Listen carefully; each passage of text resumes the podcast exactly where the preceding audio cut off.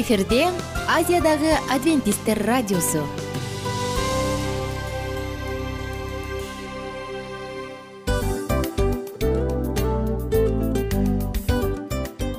Достор салют. Баардык сүйүктүү угармандарыбызга салам айтабыз. Кутман күнүңүздөр менен. Ден соолук өмүрдүн булагы демекчи саламат саамы программасында баарыңыздарды көргөнүбүзгө абдан кубанычтабыз. Анда алгач амандашып өтөлү арбаңыздар деп. Ден соолугуңуздар кандай элибизде көбүнчө ден соолук кандай дегенде эле жакшы деп жооп беребиз э? ооруп турсак дагы жакшы дейбиз. Анан мен муну айтып ойлойт элем бул абдан сонун сөз депчи анткени бул жакшы деген үмүт да э ооба баары жакшы болот баары сонун. Деп үмүттөнүп атып эле өзүбүздү өзүбүз дарылап коебуз. Анысы кандай? Сиздин дагы ден соолугуңуз жакшы беш деген үмүттөбүз чындыгында ден соолук бул өмүрдүн булагы деп бекеринен айтылган эмес деп ойлойм. Кыргыз элинде анткени эгерде ден соолук жок болсо анда адамдын жашоосунда калган баардык керектүү маңыздуу нерселер өзүнүн баалуулугун жоготуп коет. Ошондуктан ден соолук бул эң керектүү нерсе. Ооба туура айтасың кесиптешим чынында ден соолугуң жок бир эки үч күн ооруп калсаң эле э кандай болуп калат? Жашоодо көз каранды болуп каласың көп нерсеге жетишпей каласың көп нерсени кыла албай каласың жада калса эшикке дүкөнгө да чыга албай каласың. Туптуура анан ден соолук болсо демек биз биздин бактыбыз тотой деп койсок болот. Анда достор саламат саамы рубрикабызды баштайлы. Алдыда өзүңүзгө керектүү болгон сонун кеңештерди уга аласыздар. Мына ошондуктан биз менен бирге болуңуздар. Ал эми биз болсо милан жана айнура. Кеттик алга. Алга саламат саама ден соолуктун жарчысы. Саламат саама ден соолуктун ачкычы. Күн сайын сиз үчүн мыкты кеңештер сонун жаңылыктар кызыктуу фактылар биздин рубрикада.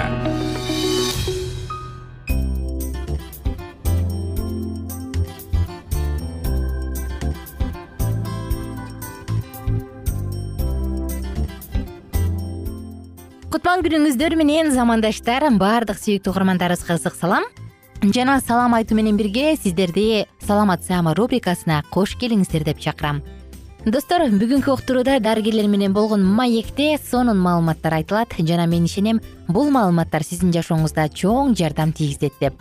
Жагымдуу мүнөттөр бирге болсун биздин жыштыктан алыстабаңыздар радионун үнүн өктөмүрөөк чыгарып керек болсо кагаз калем сап алып керек болсо өзүңүздүн уюлдук телефондун диктофонун күйгүзүп алып жаздырып алганга дагы аракет кылыңыз анткени чындыгында бул сонун белек маалыматтар кымбат маалыматтар сиздер үчүн. Жагымдуу мүнөттөрдү бирге өткөрөлү салам достор. Кандайсыздар кутман кечиңиздер менен биздин баардык сүйүктүү угармандарыбызга салам. Жана сиздер менен куттуу кечте үн алышып олтурганыбызга көрүшкөнүбүзгө кубанычтамын. Аты жөнүм айнура миназарова. Достор бүгүн сиздер менен бирге учурдагы эң маанилүү жагдай жөнүндө сөз кылмакчыбыз. Тагыраак айтканда акыркы учур акыркы ушул март айынан берки учурда пандемия ковид он тогуз коронавирус деген сөз эң популярдуу сөздөрдүн катарын толуктады. Жана албетте акыркы учурда эркинчи толкунда балдар да ооруйт деген ар бир ата эне жүрөгүн түшүрүп турган учуру мына ошондуктан бүгүн сиздер менен балдар жана ковид он тогуз деген теманын негизинде сөз кылалы дедик. Өзгөчө ковид он тогуз менен ооруп айыккан балдар тукумсуз болуп калышабы деген суроо азыр көпчүлүк ата энелердин түйшөлдүп турган учуру бул чындыгында канчалык деңгээлде коркунучтуу жана канчалык деңгээлде так маалымат ушул тууралуу кенен сөз кылмакчыбыз. Анда төрүбүздө коногубуз бар тааныштыралы. Бүгүнкү конок калия туратбековна э, педиатр балдардын дарыгери кутман кечиңиз менен кош келипсиз. Саламатсызбы? Кандайсыз маанайыңыз ден соолугуңуз. Рахмат баары жакшы. Кеч болгонуна карабастан келип бергениңиз үчүн ыраазычылык айтам дароо эле ден соолугуңуз жакшыбы рахмат. Ооба рахмат жакшы кубанычтамын сиз менен төрүбүздөн көрүшкөнүбүзгө. Анда калия туратбековна бүгүн сиз менен бирге ошол жогорудагыдай эле. Балдарда ушул ковид болбосо балдар кичинекей кезинде кийин тукумсуз болуп калабы деген суроо азыркы учурда коркунуч жаратып турган чагы. Анткени ар бир ата эне балдардын ден соолугун карайт эмеспи. Ушул тууралуу сөз кылалы дедик. Жогоруда айтылгандай эле баягы ковид пайда болгон же ковид э, жуктуруп алган балдарда мен ойлойм алгачкы симптомдор чоң адамдардыкындай эле болуш керек э. Дене табы көтөрүлөт жөтөл пайда болот кимдир бирөөндө дем кыстыгат айтор ушул сыяктуу. Анда сизге суроом биринчи эле ошол балада эгерде ковид он тогузду жуктуруп алса сөзсүз түрдө жөтөл болушу керекпи жөтөл бул коронавирус инфекциясынын белгилеринин бири болот. Бирок э, ар бир баланыкы ар кандай өтөт да. Э, кээ бир балдардыкы жөтөл болушу мүмкүн кээ бир балдардыкы жөтөл болушу деле мүмкүн эмес. Жана айтып коет го белгисиз симптомдор деле бар депчи. Жана башкача симптомдор менен деле коронавирус инфекциясы өтүшү мүмкүн. Жөтөлдү айта кетпедикпи ошол мисалы кадимки эле жөтөлдөрдөн башка жөнөкөй пневмония учурунда же болбосо кандайдыр бир сезгенүүлөрдө суук тийгендегиден айырмаланабы же анда деле айырмалаш кыйын болобу. Жок андай мындай айырмачылыгы деле жок да. Айырмаланыш кыйын э? Ооба. Үй шартында ата энеде ата эне эгерде баланын дене табынын көтөрүлгөнүн байкаса эмне кылып жардам бере алат? Биринчи эле жардамы? Үй шартында жөтөл пайда болсо мүмкүн э? Жеңил жөтөл. Мисалы үчүн сөзсүз түрүндө ата эне өз баласына үй шартында эң биринчи жардамды кыла алат да. Мисалы үчүн дене табы жогору көтөрүлсө отуз сегиз бештен азыр өзүңүздөр деле билесиз дене табын түшүргөн дарылар өтө көп. Эң негизгисинин бири бул парацетамол деген дары. Үй шартында балага дене табы көтөрүлсө отуз сегиз бештен жогору балага парацетамол дарысын берсе болот. Балага дегенде бул парацетамолдун өзүнүн дозасы болот да э канча бир жаштагыга канча деген? сөзсүз эң негизги түрүндө ар бир дары айтып кетейин баланын салмагына жараша эсептелип дарыгерлер менен саналып берилет да сөзсүз түрүндө мисалы эгерде бала беш жашта болсо дене табы көтөрүлсө канча ага канча миллиграмм бериш керек же канча таблетка бериш керек? Беш жок бул салмагына жараша болот да мисалы үчүн. Баланын салмагы он килограмм болсо то жүз элүү миллиграмм парацетамол дарысын берүүгө туура келет да. Ушул парацетамол жөнүндө сурай кетким келип турат дагы сизден баягы дене табымды эртерээк түшүрөйүн деп туруп парацетамолду тез тез берип дагы э батыраак көбүрөөк берсем көбүрөөк э, батыраак дене табы түшөт деген түшүнүктөнбү айтор тез тез берет эмеспи бул туурабы же андай кылыш туура эмеспи жок туура эмес. Анткени ар бир дарынын өзүнүн аралыгы болуш керек да. Парацетамол дарынын аралыгы бул алты саат болуш керек да. Бир бергенден кийин алты саат. Алты саат күтүш керек. Ооба бирок эң айтып кетейин парацетамолду бергенден кийин мисалы үчүн температура отуз сегиз бештен жогору көтөрүлсө ата эне баласына парацетамол берсе отуз мүнөттөн кийин ата энелер күтүшөт да качан эле температура отуз алты алты болуп калат. Андай эч кандай болбойт парацетамол дарысын бергенден кийин жарым сааттан кийин градусникти өзүңөр деле салсаңар көрөсүңөр температура өйдө көтөрүлөт көтөрүлөт эки градуска көтөрүлөт. Бул эмне үчүн андай болот? Парацетамол дарысы негизи дене табын түшүргөн дарылардын баары эле өзүнүн механизм действия деп коет да ошонусу бар. Ошонусун аткарып биринчи э, дене табын көтөрөт дагы анан кийин уже түшүрүп баштайт. Парацетамол дарысын бергенден кийин баланын температурасы бир бир жарым сааттан кийин уже ылдыйлап бир градустан түшүп баштайт да. Ушул эле э, дене табын түшүрүүдө кимдир бирөө арак шыбап дагы аракет кылышат го бул канчалык жок сөзсүз түрүндө арак шыбабы болбойт. Эмне себептен болбойт? анткени арак шыбагандан кийин э, биякта бизде поры деп коет да. Тешикчилер тешикчилер бар ооба. Неменин баарын ысыктын баары ошо тешикчилерден чыгыш керек да. Арак ал тешикчилерди бүтүп салат. Ошондуктан чыкпай калат. Э, ысык чыкпай калат да. Андан көрө кадимкидей эле үйдөгү эле комнатный температурага жараша жылуу сууну алып комнатный температурага жараша и баланын денесин сүртсө болот. Бирок эч кандай спирт аракты сүрткөнү такыр болбойт да. достор жогоруда айтылгандай эле эң сонун маалыматтар биздин ден соолугубузду коргоо үчүн бүгүнкү күндө бар. Канчалык маалымдар болсоң ошончолук куралданган болот эмессиңби мына ошондуктан бүгүнкү айтылган маалыматтар дагы жашооңузга чоң таасирин берип жардамын берип сизди ар кандай кырсыктан ден соолукту сакташ үчүн жаман нерселерден сактасын оорулардан дарттардан сактасын адамдын биринчи байлыгы ден соолук. Адамга экинчи байлык ак жоолук керек. Бирок ак жоолук ден соолуксуз кызык. Мына ошондуктан сиздерге кааларыбыз албетте бекем ден соолук. Өзүңүздүн колуңуздагы байлыкты сактаңыз барктаңыз. Жана албетте бул үчүн болгон күрөшүңүздү жумшаңыз. Адам баягы жашоосунда колдон келишинче акча таап алып туруп анан кийин улгайып калган кезде баардык тапканын кайра өзүнүн ден соолугуна жумшагандан көрө мейли аз тапса дагы бирок оорубай жашоонун кубанычын татып жашаганга эмне жетсин? Ошондуктан ар бириңиздерге кааларым бекем ден соолук. Коштошобуз достор сиздер менен кийинки уктуруулардан кайрадан амандашканча бар болуңуздар сак саламатта туруңуздар. Күнүңүздөр көңүлдүү маанайда улансын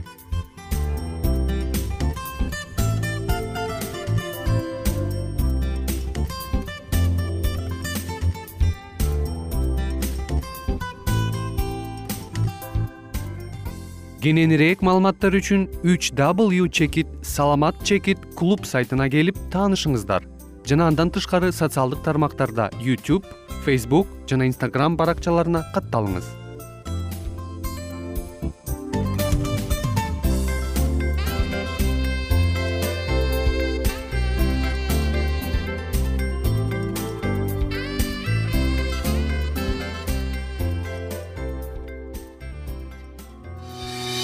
саламат саама ден соолуктун жарчысы. Саламат саама ден соолуктун ачкычы. Күн сайын сиз үчүн мыкты кеңештер сонун жаңылыктар кызыктуу фактылар биздин рубрикада.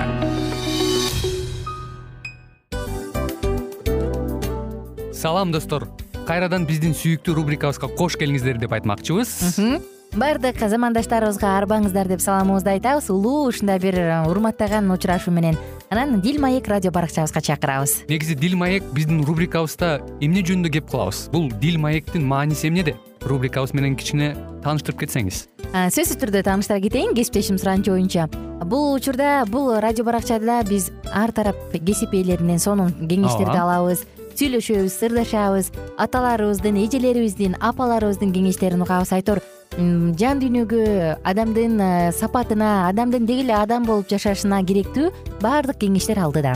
Негизи э, дил маек дегенде баягы эки адамдын ортосундагы сырдашуу кенен сүйлөшүү. Негизи эле биз адамдар бири бирибиз менен бир жерге жай жерге отуруп алып өзүнчө тынч э, жашоо жөнүндө өмүрүбүздө эмне болуп атканын бөлүшкөнү жакшы көрөбүз э адамдар. Ооба туура айтасың анан мындай учурга кээде убакыт да жетпей келет э? Же болбосо сырыңды кайгыңды муңуңду кубанычыңды айткың келет адамга ишенбешиң мүмкүн. Ооба. А бул радио баракча угармандарыбыздын чыныгы досу. Анткени бизден алган кеңеш сиздин жашооңузга чоң жардам берет. Ал эми сиздин бизге айта турган сөзүңүз ортодо гана сыр бойдон калат. Ошондуктан биздин дил маек рубрикабызга дагы бир жолу кош келиңиздер. Жана биз даярдаган маалыматтарга даяр болуңуздар.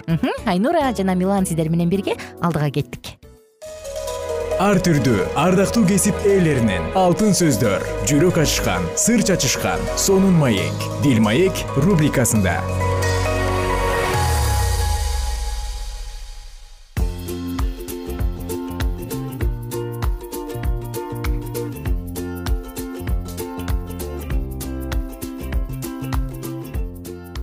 күн. Достор баардык угармандарыбызга ысык салам айтып сиздер менен бирге жагымдуу саатыбызды баштадык. Дил маек радио баракчасында руханий мурас жашия деп аталган китепти улантып жатканбыз.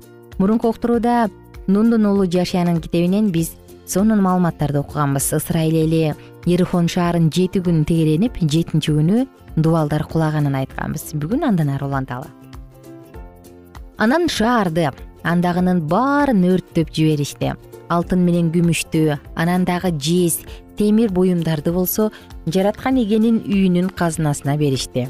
Ал эми бузулган аял рахапты анын үй бүлөсүн жана атасынын урук тууганын жашия тирүү калтырды. Анткени жашия ерихонго чалгынга жиберген адамдарды жашырып алган. Анын үй бүлөсү ысрайылдын арасында бүгүн да жашап келе жатышат.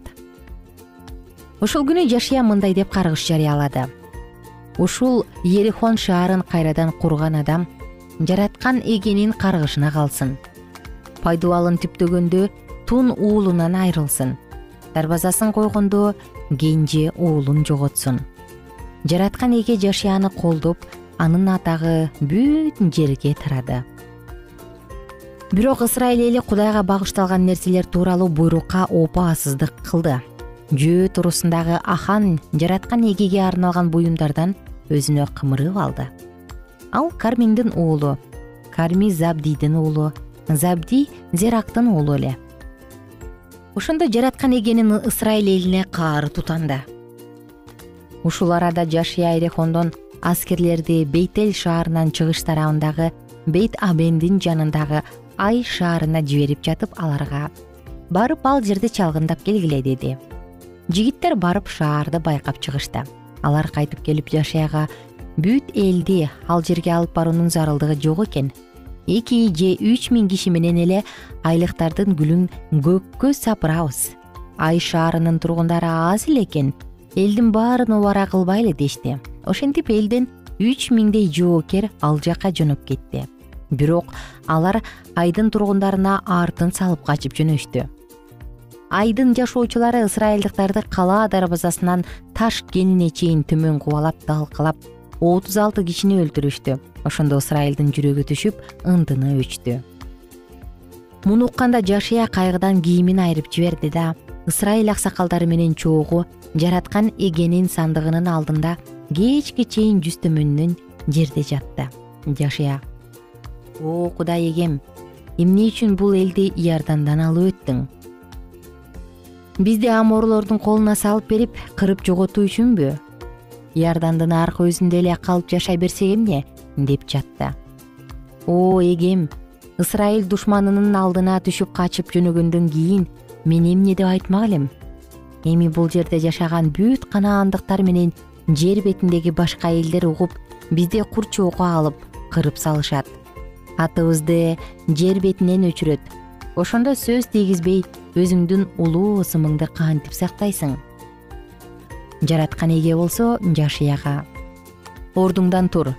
Эмнеге минтип жүз төмөндөп жатасың деди ысрайыл эли күнөө кылды мен сакта деп буйруган келишимди бузду. Садага чабылган нерселерден уурдап куулук кылып өз буюмдарынын арасына катып койду. Ошондуктан ысрайыл эли жоого каршы тура албай душманына артын салып качты. Анткени алар өздөрү да садага чабылып калышты. Эгерде эл ичиндеги садага чабылган нерсени жок кылбасаңар мындан ары мен силерди колдой албаймын. Эми ордуңдан тур да элди тазалап ыйыкта. Аларга эртеңки күнгө тазаланып ыйыкталгыла анткени ысрайылдын кудайы жы жараткан эге кудайга садага чабылган нерсе ысрайыл элинин арасында турат. Садага чабылган нерсени араңардан жок кылмайынча жоого каршы тура албайсыңар деп жатат деп айткан. Ошондуктан эртең менен уруу урууңар боюнча келгиле. Жараткан эге кайсы урууну көрсөтсө ошол уруу урук уругу боюнча келсин. Жараткан эге кайсы урукту көрсөтсө ал үй бүлөлөрү боюнча келсин. Ал кайсы үй бүлөнү көрсөтсө ошол үй бүлөнүн мүчөлөрү бир бирден келсин. Садага чабылган буюмдар менен кармалган адамды өзүнө таандык бүт менчиги менен чогуу өртөп салгыла. Анткени ал жараткан эгенин келишимин бузуп ысрайылдын элинин ичинде ыплас кылды.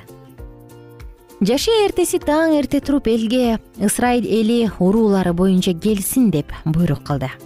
Ошондо жөөт уруусу көрсөтүлдү. Жөөт уруусу келгенде зерактын уругу көрсөтүлдү. Зерактын уругунун эркектери келгенде забдийдин уулдары көрсөтүлдү. Забдийдин уулдары бирден келгенде ахан көрсөтүлдү. Ахан жөөт уруусундагы карминдин уулу эле. Карми забдийдин уулу забди зирактын уулу эле. Ошондо жашия аханга. Уулум ысрайылдын кудайы жараткан эгенин алдында күнөөңдү мойнуңа ал. Эмне кылганыңды айтып бер. Менден эч нерсени жашырба деди ахан жашияга жооп берип жатып мындай деди. Ооба мен ысрайылдын кудайы жараткан эгенин алдында күнөө кылганым чын иш мындайча болду. Олжолордун арасынан чынардын бир кооз чапанына салмагы эки жүз шекел күмүш менен элүү шекел куйма алтынга көзүм түшүп калды. Аларга кызыгып кетип катып алдым. Алардын баардыгын чатырымдын ичине көмүп жашырып койгом. Күмүш алардын эң түбүндө ошондо жашыя кишилерди жиберди. Алар анын чатырына барып киришсе айтылган буюмдар чын эле чатырдын ичине катылыптыр күмүш болсо эң түбүндө экен. Алар ушул нерселердин баардыгын чатырдан алып чыгып жашия менен бүт ысрайыл элине алып келип жараткан эгенин алдына коюшту. Жашия менен ысрайылдыктар зерактын урпагы аханды күмүштү чапанды куйма алтынды анын уулдары менен кыздарын өгүздөрүн эшектерин койлорун чатырын жана анын баардык буюм тайымдарын ахор өрөөнүнө алып чыгышты андан ары эмне болот? Достор жана аханды кандай жаза күтөт? Кызыкпы анда биз менен бирге болуңуздар. Кийинки уктурууда ушул теманы андан ары улантабыз. Көңүлдүү күн баарыңыздарга бар болуңуздар жана бай болуңуздар. Кайрадан амандашабыз. Кийинки уктурууда ахандын тагдыры жөнүндө сөз кылабыз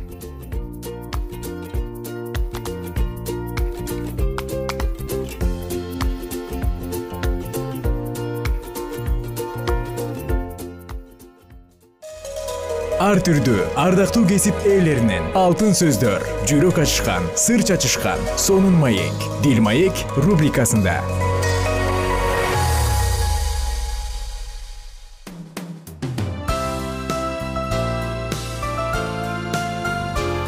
Эфирде азиядагы адвентисттер радиосу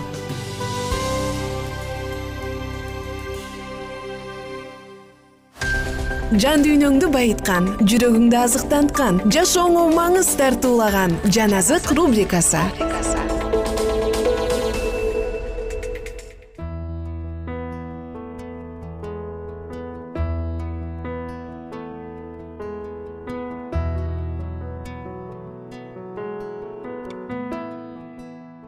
кутмандуу куш убак күнүңүздөр менен сүйүктүү досторубуз баардык угармандарыбызга ысык салам айтып жан азык радио баракчасын улантадык жана бүгүн дагы сиздер менен бирге аян китебинин эң сонун маалыматтарын айтууга даярбыз. Албетте аян китебиндеги ачылыштар акыркы учурда эмне болот? Акыркы учурда жашоонун бул дүйнөнүн тагдыры эмне болот? Жана албетте бүгүнкү уктуруубузда акыркы учурда америка кошмо штаттарынын тагдыры эмне болот? Мына бул тууралуу биз сиздер менен сонун маалыматтарды бөлүшүүгө даярбыз. Биз менен бирге болуңуздар. Жыйырма төртүнчү бөлүк аян китебиндеги америка кошмо штаттары тууралуу алдын айтуулар. Үмүт тууралуу аян.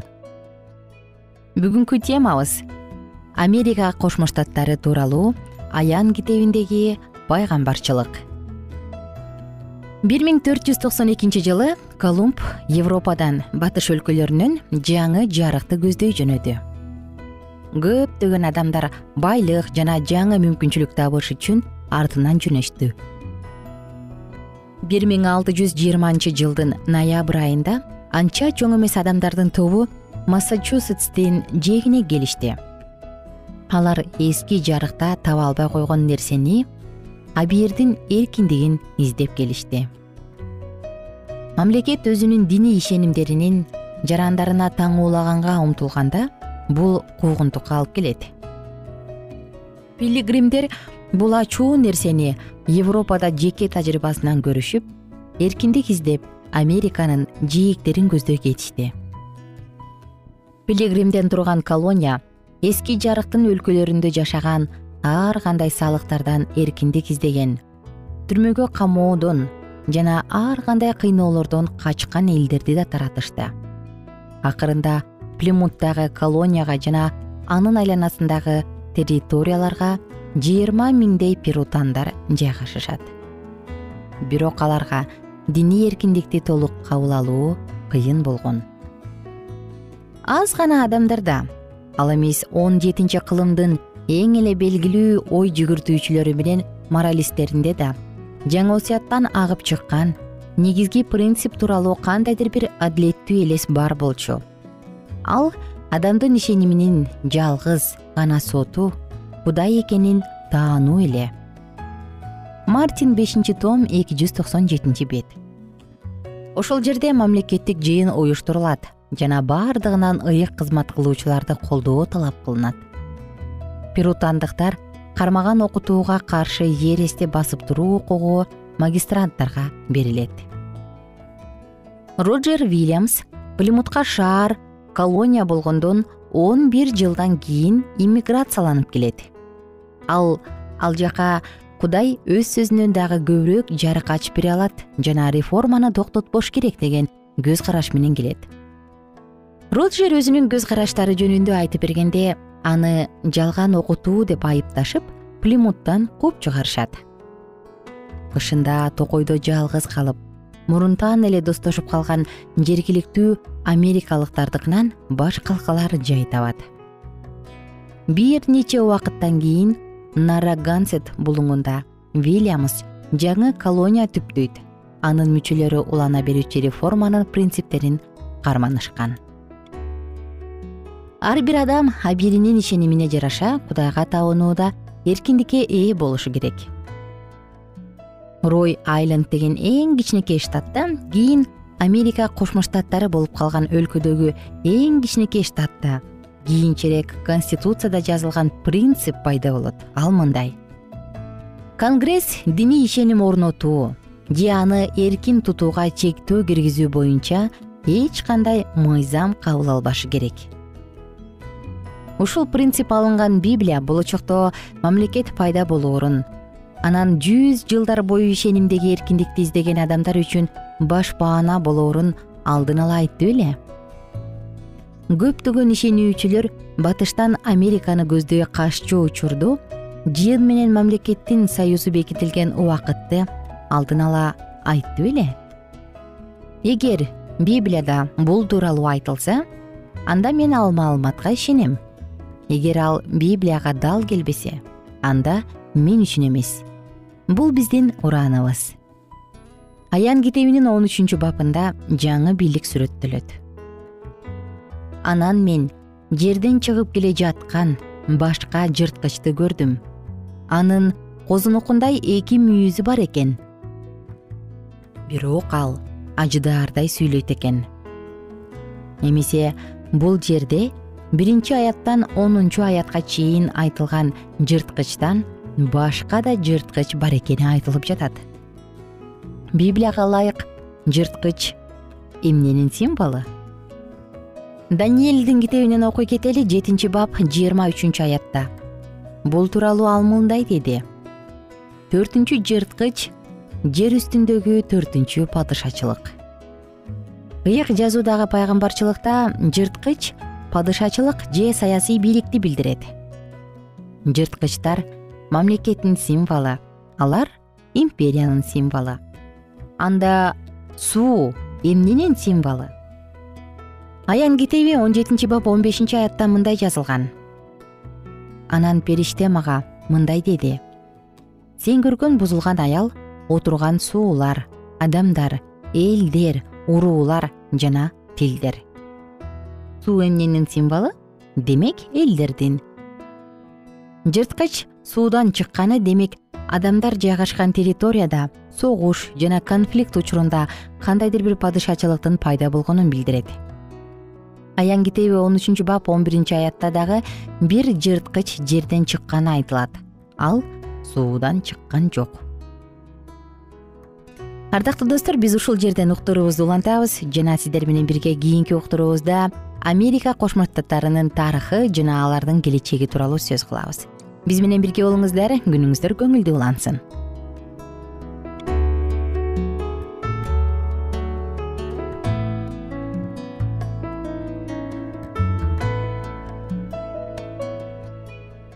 Эгер сиздерде суроолор болсо же көбүрөөк маалымат билем десеңиз анда биздин whatsapp номерибизге жазыңыз. Плюс бир үч жүз бир жети жүз алтымыш алтымыш жетимиш. Кайрадан плюс бир үч жүз бир жети жүз алтымыш алтымыш жетимиш.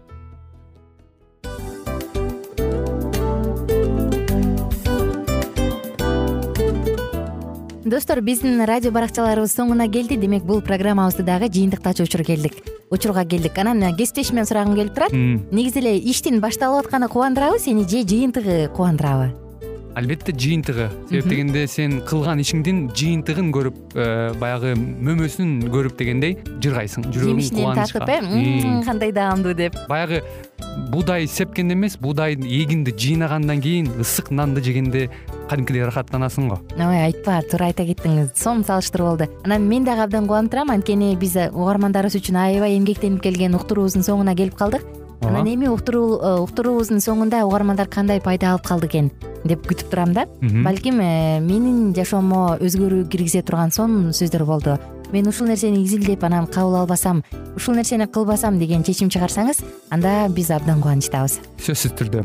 Андыктан кийинки биздин кызыктуу уктурууларыбыздан көрүшкөнчө сак саламатта калыңыздар. Чыдамсыздык менен сиздерди мен милан жана кесиптешим айнура күтөбүз баардык угармандарыбызга ийгиликтүү күн каалайбыз. Качан гана болбосун уртуңуздан жылмаюу кетпесин үйүңүздө көмүр жүрөгүңүздө көңүл болсун дейли